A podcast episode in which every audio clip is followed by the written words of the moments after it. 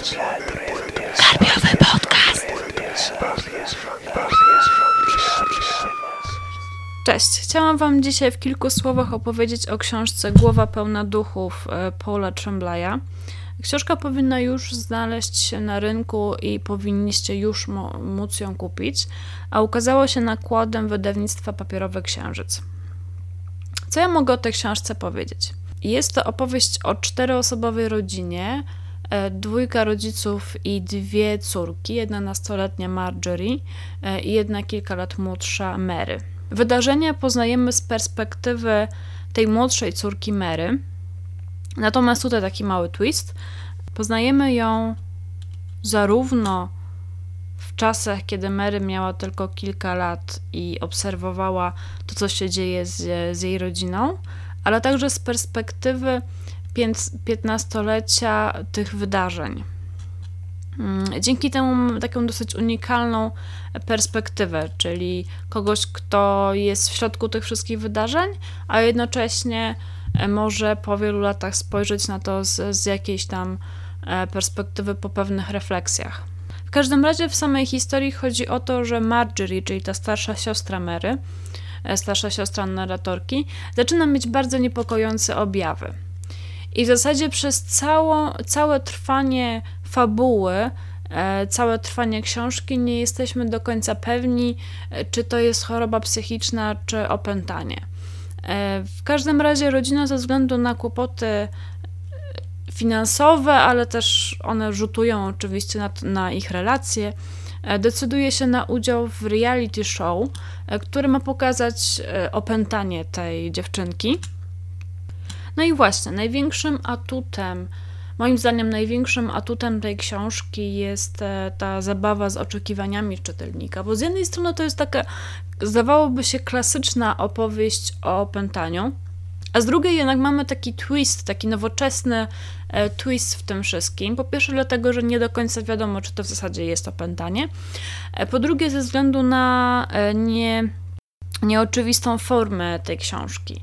Bo z jednej strony poznajemy tę historię z perspektywy Mary jako kilkulatki, ale też z perspektywy Mary jako dorosłej kobiety, która po 15 latach po, po tych wydarzeniach opowiada to dziennikarce, która ma napisać o tym programie książkę. Mm.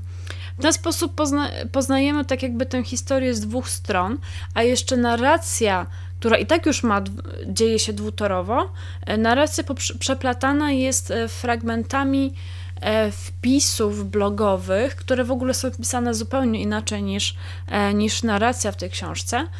Autorka tych wpisów szczegółowo analizuje poszczególne odcinki tego reality show, dając nam taki mm, szczególny wgląd e, w te wydarzenia, ale tak jakby z zupełnie, zupełnie innej strony. I to jest, no w sumie skoro już zaczęłam o tym mówić, to może powiem więcej, bo wydaje mi się, że, że to jest chyba najbardziej oryginalna w ogóle część tej książki. E, I mam do niej taki ambiwalentny stosunek. Dlatego, że z jednej strony same te wstawki są ciekawe. One są taką mądrą, fajną analizą tego, co niekoniecznie dzieje się w książce, bo te odcinki są tak jakby trochę. Mm, dzieją się trochę jakby z boku tego wszystkiego.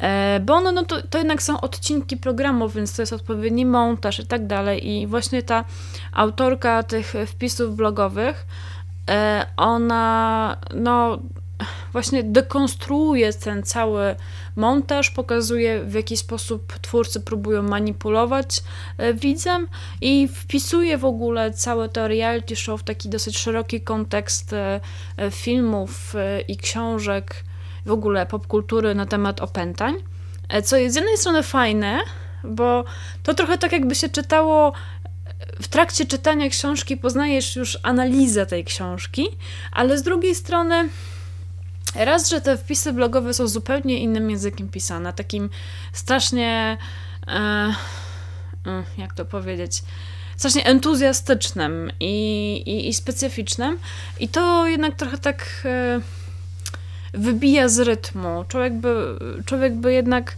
wolałabym jednak na przykład po lekturze książki przeczytać same te analizy, e, a nie, a nie w trakcie, bo, one, bo ta narracja jest przerywana tymi wpisami blogowymi. A dwa, trochę to jest takie lenistwo autora. Z jednej strony to jest fajne, a z drugiej on tak jakby od razu analizuje swoją książkę, bo ma na przykład pomysł na jakieś e, głębokie relacje między, między postaciami. Nie wie za bardzo, jak to pokazać wydarzeniami w samej książce, więc tam wprost e, w postaci tych wpisów blogowych mówi, jak powinniśmy w ogóle zinterpretować relacje między postaciami. E, więc to raz, że narzuca trochę interpretację, a dwa, no właśnie w ogóle wybija z rytmu. To jest mu największe, mm, największe wąty, jakie mam do tego, do tego, do tego, do tych wpisów blogowych, to właśnie, że wybija z rytmu i, i człowiek już się skupi na tych wydarzeniach, da się wciągnąć i tak dalej, a nagle ma rozdział w, y, z analizą i, i trochę czuje, jakby wychodził z tej opowieści. Mimo to same analizy są bardzo ciekawe, bardzo fajne, bardzo ciekawe. W ogóle e, miło by się takie coś czytało zupełnie oddzielnie od, od samej powieści. Jeżeli chodzi o inne plusy, w zasadzie to te wpisy blogowe to jest chyba jedyny minus e, tej powieści. Może jeszcze zwróciłabym uwagę na to, że. Mm, dobra, ale, ale żeby powiedzieć następny minus, to muszę powiedzieć najpierw plus. W ogóle genialną rzeczą w tej książce są początki tego, tej choroby albo opętania Marjorie. Słuchajcie, dawno nie czytałam nic tak fajnie horrorowego. E, są mega niepokojące sceny, a dzięki temu, że e, Mary, ta młodsza siostra jej, jest bardzo fajnie w ogóle, bardzo przekonująco skonstruowana jako postać i i jej podejście do tej starszej siostry, która tam opowiada jej takie niepokojące historyjki, e, jest naprawdę bardzo fajne i, i człowiek się wczuwa w ogóle w tę postać i to, jest, to się świetnie czyta. E, no właśnie, i ta starsza siostra opowiada takie bardzo niepokojące historie tej młodszej i one same w sobie, aż mi szczęka opadła, jakie czytałam, były genialne. E, I to, jak to jest wplecione w całą, w całą powieść też jest super. Właśnie, i z tych z jednej strony genialnie sugestywnych, ale jednak subtelnych objawów tej choroby czy tam opętania, nagle mamy e, mega eskalację i jednak z, z, z, tej fajności przechodzimy od razu w jakieś tam ekskrementy, krew i, i takie takie powiedziałabym trochę bardziej niskie rzeczy, takie, że, że walą ci od razu w gębę i, i jednak klimat nagle się urywa. E, I to mi się nie podobało, ale jak już zaakceptowałam ten, e, te, tę zmianę, to, to jakoś dalej poszło. No i co by tu jeszcze powiedzieć? Samo zakończenie powieści jest satysfakcjonujące. Jest coś, czego się prawdopodobnie nie spodziewacie, i po takim niby finale samej historii zdziwicie się, że wam zostało do końca jeszcze ileś tam stron i w ogóle co tu się będzie działo. E, także zdziwicie się tym zakończeniem, ale jednocześnie nie jest przekombinowane, jest, e, jest w porządku, pasuje do samej powieści i jest, tak jak mówiłam, satysfakcjonujące.